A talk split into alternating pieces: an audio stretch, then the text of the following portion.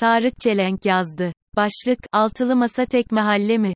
Edremit Kitap Fuarı'nda CHP Milletvekili Sayın Yıldırım Kaya ve TV5 Genel Yayın Yönetmeni Sayın Mustafa Yılmaz Beylerle karşı mahalleler ve siyaset üzerine konuştuk. Konuşmacıların pozitif enerjileri dinleyici kitlenin konsantrasyonunu arttırdı. Her bir konuşma, adeta tek konuşması seviyesindeydi. Konuşmacılar, ortamdaki veya altılı masa örneğindeki gibi, artık ülkenin karşı mahallelere değil muhalefetin ortak çabasıyla tek mahalleye dönüşmeye başladığını savundular. Başka bir deyişle de sağduyu ve uzlaşının ortak payda olduğu tek mahallenin oluşmaya başladığını ifade ettiler.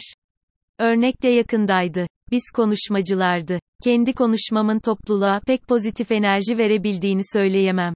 Ancak dinleyicilerin konsantrasyonlarının bir tık daha arttığını söyleyebilirim.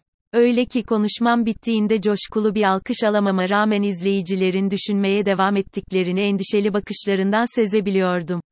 Konuşmamda, ülkenin belki de son 200 yıllık tarihinin önemli bir seçiminin arifesinde olduğunu, bu seçimin otokrasi veya demokrasinin seçimi olabileceğini bunun da yolunun halen Türkiye'nin yarısına yakın olan oy oranını temsil eden gerçekten var olan bir karşı mahallenin kaygılarını izale etmekten geçtiğini anlattım. İlaveten, yaklaşık 5 yıldan bu yana yapılan Edremit Kitap Fuarı konuşmalarında karşı mahalleden şu ana kadar hiç dinleyici kitlesini çekilememesinin dikkat çekiciliğini hatırlattım. Yıldırım Bey bana CHP neyi yapabilmeli sorusunu sordu. Türkiye'nin tarihi bir eşikte ve yol arayışında olduğunu belirttim. Ancak iktidar ve muhalefet seçmeninin bilinç üstünde kapalı kalan bu anlam arayışını, henüz CHP ve altılı masanın tanımlayamadığını açıkladım. Ülkemizdeki yeni umut dönemlerine baktığınızda, toplum her zaman hangi inanç ve tercihte olursa olsun, kendini ötekilerle birlikte çözümün içinde hissettiği siyasi oluşumlara ilgi göstermiştir. Bunun örneklerini Demokrat Parti, Adalet Partisi, Ecevit CHP'si, 4 Eğilim Özalan API ve 2002 AK Partisi başlangıç dönemleri olarak gösterebiliriz. Bu partilerin ilk iktidara geliş tarihleri küresel ve ülkemizdeki yeni dönüşüm dönemlerine karşılıklı denk gelmektedir. CHP ve hatta İyi Parti ise 2023'e gelirken bu yeni dönüşüm döneminin dinamiklerini anlamak istemektedirler mi, yoksa eski tas eski hamam siyasetiyle gayri memnun kitleleri zorlanmadan ikna edebileceklerini mi varsaymaktadırlar bu da ayrı bir tartışmanın konusudur. Olay sadece ekonominin değil yeni bir toplumsal sözleşmenin ve zihniyet devriminin konusudur. Buna bağlı Türk sağında zihniyet dönüşümü sorumluluğu da gelecek ve deva partilerinde gözükmektedir. Burada Sayın Kılıçdaroğlu'na özel bir parantez açmak gerekebilir. Kılıçdaroğlu en azından ülkesel dinamikler ve AK Parti döneminin ülkeyi getirdiği bulunduğumuz noktayı oldukça iyi kavramış gözükmekte. Bu doğrultuda CHP ve muhalefeti dönüştürmeye çabalamaktadır. Yukarıda ifade etmeye çalıştığımız gibi CHP bir Özal örneği, ezberleri bozan dört eğilimin partisi olmayı başarabilecek mi? Veya bu durumu parti kadroları ve tabanı ne derece kabullenebilecek henüz bilinmemekte. Kılıçdaroğlu ise bunun zaman isteyen bir süreç yönetimi olduğunu ve bu sürecin kendi tarafından birkaç yıl önce başlatıldığını düşünmekte. Doğrusu da şu an altılı masa, Kılıçdaroğlu'nun muhalefeti dönüştürme çabasının somut en güzel örneği olarak da durmakta.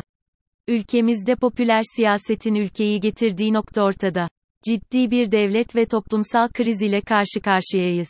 Ne yazık ki siyaset ve toplum sadece oy alma kapasitesine kitlenmiş durumda. Oy alma kapasitesine ilişkin popülist tartışmalarda, hala belediye başkanları ve mağdur popüler sanatçıların adaylığa adları dahi adı geçmekte.